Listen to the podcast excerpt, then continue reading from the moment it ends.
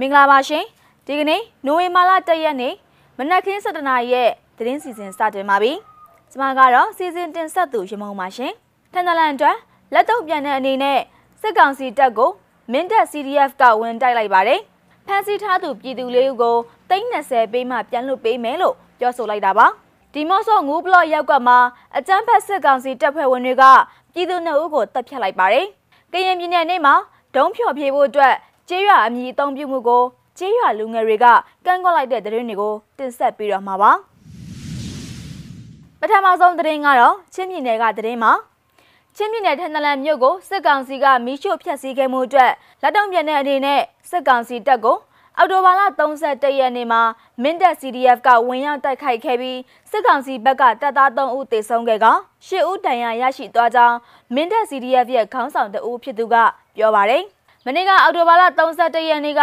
မင်းတပ်မြို့ပေါ်စီချက်လန်းဆောင်အနီးမှာကင်းလှည့်လာတဲ့စစ်ကောင်စီတပ်သားတွေကို CDF မင်းတပ်ကခြုံခိုတိုက်ခိုက်ခဲ့ကြောင်းတိုက်ပွဲချိန်ဟာနိုင်ကိုကြော်ကြမြင့်ခဲ့ပြီးတော့ CDF မင်းတပ်က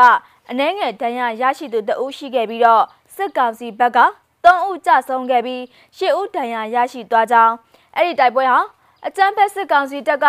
ထန်တလန်မြို့မှာရှိတဲ့လူနေအိမ်တွေနဲ့ ဘာသာရေးစောက်အုံတွေကိုမီးရှို့ရန်ကားခဲ့တဲ့အတွက် CDF မင်းတပ်ကလက်တုပ်ပြန်လိုက်တာဖြစ်တယ်လို့သူကဆိုပါတယ်။ချင်းပြည်နယ်အတွင်းမှာရှိတဲ့အပြစ်မဲ့ပြည်သူတွေရဲ့အသက်အိုးအိမ်စည်းစိမ်တွေကိုလူသက်အကြမ်းဖက်စစ်ကောင်စီကလူမဆန်စွာမီးရှို့ဖျက်ဆီးခြင်းတွေကိုမိမိတို့ CJDC ကလုံးဝကန့်ကွက်ရှုတ်ချပြီးတော့ဆုံးရှုံးနေနာခဲ့တဲ့ပြည်သူလူထုတွေနဲ့အတူထပ်တူထပ်မျှဝမ်းနေကြောင်းလူသက်အကြမ်းဖက်စစ်ကောင်စီရဲ့လုပ်ရက်တွေဟာစစ်ရာဇဝတ်မှုကိုပါချိုးဖောက်တဲ့လုပ်ရက်တွေဖြစ်ကြောင်း CJDC အနေနဲ့လူသက်အကြမ်းဖက်စစ်ကောင်စီရဲ့အာဏာရှင်စနစ်ကိုပြည်သူလူထုတွေနဲ့တူအမြင့်ပြတ်ချိန်မုံသွားမည်ဖြစ်ကြောင်းချင်းပြည်နယ်မှာရှိတဲ့ CDF မဟာမိတ်အင်အားစုတွေကအော်တိုဘာလ31ရက်နေ့မှာထုတ်ပြန်တတိပေးလိုက်ပြီးပဲဖြစ်ပါတယ်။နောက်ထပ်သတင်းတစ်ပုဒ်ကတော့တနင်္သာရီတိုင်းကသတင်းမှာတနင်္သာရီတိုင်းဒေသကြီးပူလောမြို့နယ်ဇရက်စိတ်ကျေးရွာမှာနေထိုင်တဲ့ပြည်သူလေးဦးကိုစစ်ကောင်စီကဖမ်းဆီးသွားပြီးတော့ ပြန်လွတ်ပေးလို့ရင်တော့ငွေကျပ်330ပေးရမယ်လို့ဇရဲစိတ်ကျေးရွာအုပ်ချုပ်ရေးမှူးကပြောဆိုခဲ့တယ်ဆိုပြီးဒေသခံတွေစီကနေတစင်သိရပါတယ်။အော်တိုဘာလ28ရက်နေ့ည9:00နာရီကျော်ကဇရဲစိတ်ကျေးရွာကဦးကြည်သိန်းဦးဖို့ဒီကုန်း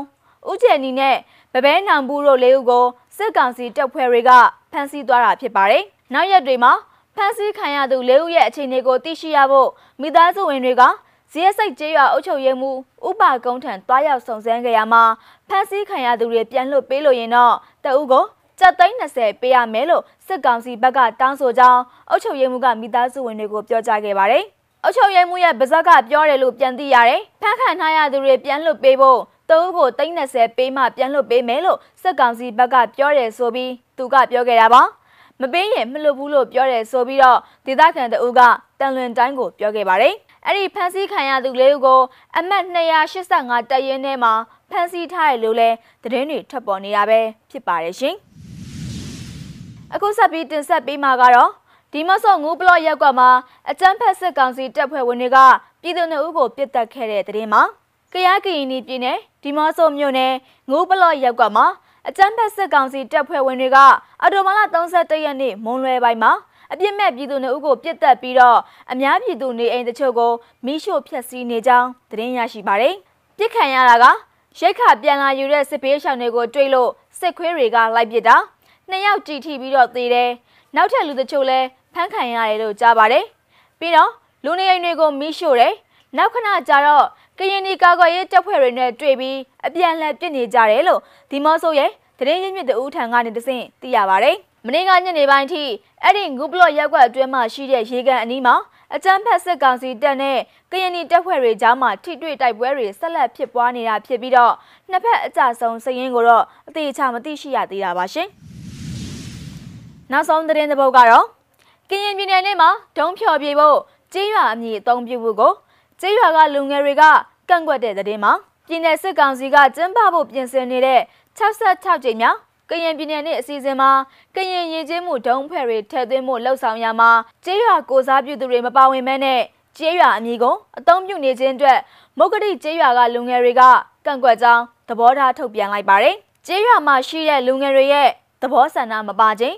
ဒုံဖွဲ့မှာမုတ်ကတိကလူငယ်တွေမပါဝင်ခြင်းပြင်တတခြားသူတွေနဲ့ကျေးရွာမြေကိုအသုံးပြုတာဖြစ်ပြီးတော့ဒုံဖွဲ့ဖျော်ပြဖို့ပြင်ဆင်နေတဲ့အတွက်ကန့်ကွက်တာဖြစ်ပြီးဒုံဖွဲ့အမည်ကိုလည်း မုတ်ကတိကျေးရွာဒုံဖွဲ့လို့အမည်မပေးဖို့ကိုကန့်ကွက်ထားပါတယ်စစ်ကောင်စီထောက်ခံတဲ့ကျေးရွာလို့သတင်းတစ်ခုမှတွေးလိုက်တယ်ဒီလိုကြားရတာခွေးကြိုက်ခံရတာထက်နာပါတယ်မတရားမှုကိစ္စတစ်ခုမှာရွာနာမည်ကိုအပြတ်မခံနိုင်ဘူးလို့ရွာခံတအုပ်ကတက်လွန်တိုင်းကိုပြောခဲ့တာပါကရင်ပြည်နယ်နဲ့ပွဲတော်မှာဒုံကပေးဖို့အတွက်စစ်ကောင်စီကလိုက်လံစည်းရုံနေပေမဲ့လည်းလူငယ်တွေကတော့ဒုံကဖို့ကိုညင်းဆုံနေကြပါတယ်ဒုံဆရာတွေကတော့ကရင်ပြည်နယ်နဲ့ပွဲတော်မှာဒုံကဖို့အတွက်လူငယ်တွေကို ကျေးရွာတွေထိဆင်းပြီးတော့လိုက်လံစည်းရုံနေရတာပဲဖြစ်ပါတယ်ရှင်နိုဝင်ဘာလ၁ရက်နေ့မနက်ခင်း7:00နာရီထိနောက်ဆုံးရရှိထားတဲ့သတင်းတွေကိုတင်ဆက်ပေးကြတာပါ